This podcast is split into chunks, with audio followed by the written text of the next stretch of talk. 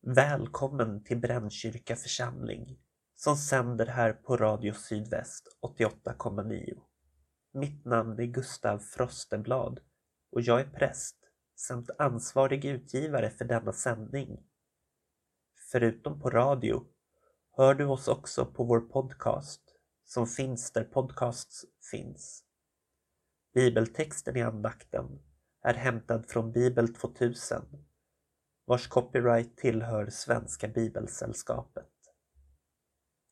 Det är långfredagen och därför är våra kyrkklockor tysta. Jag kommer läsa från profeten Jesajas bok kapitel 53, verserna 1 till och med 12. Den text vi läser varje år på långfredagen. Vem av oss trodde på det vi hörde? För vem var Herrens makt uppenbar? Som en späd planta växte han upp inför oss, som ett rotskott ur torr mark. Han hade inget ståtligt yttre som drog våra blickar till sig, inget utseende som tilltalade oss. Han var föraktad och övergiven av alla, en plågad man van vid sjukdom, en som han vände sig bort ifrån. Han var föraktad, utan värde i våra ögon. Men det var våra sjukdomar han bar, våra plågor han led, när vi trodde att han blev straffad, slagen av Gud, förnedrad. Han blev pinad för våra brott, sargad för våra synder. Han tuktades för att vi skulle helas. Hans sår gav oss bot.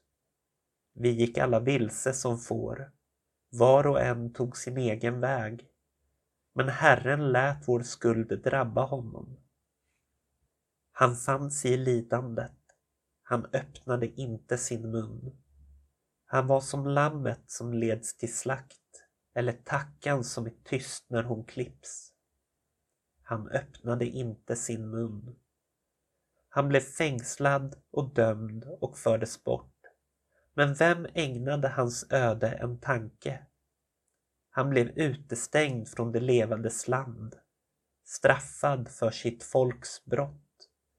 Han fick sin grav bland de gudlösa, fick vila bland ogärningsmän, fastän han aldrig hade gjort något orätt aldrig tagit en lögn i sin mun.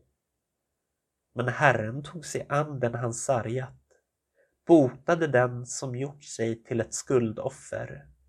Han skall få ättlingar och ett långt liv och Herrens vilja skall förverkligas genom honom. När hans elände är över skall han se ljuset och bli mättad av insikt. Min tjänare, den rättfärdige, ger er rättfärdighet åt många håll och bär deras skuld.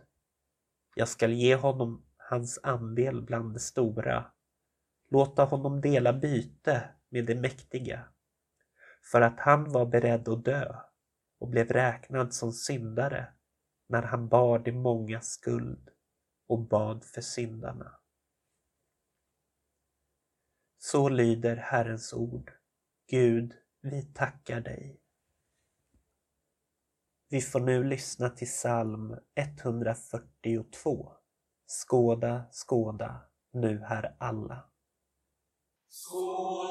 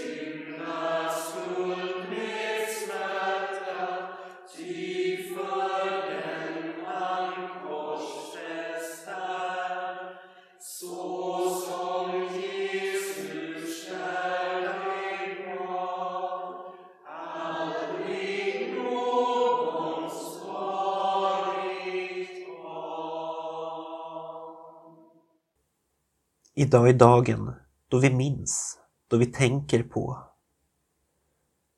då vi påminns om att Jesus tog på sig mänsklighetens alla synder och dog för vår skull.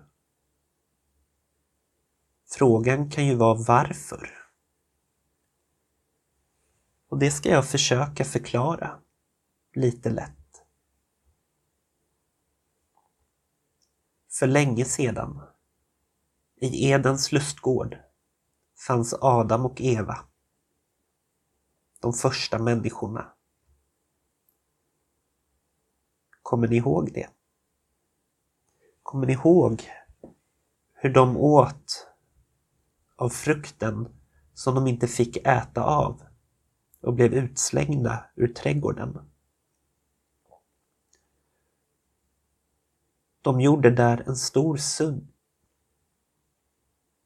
De gjorde där en stor synd mot Gud. Den synden kallas också arvsynden. För den har följt oss, alla människor. Och Gud är fri att bestämma reglerna.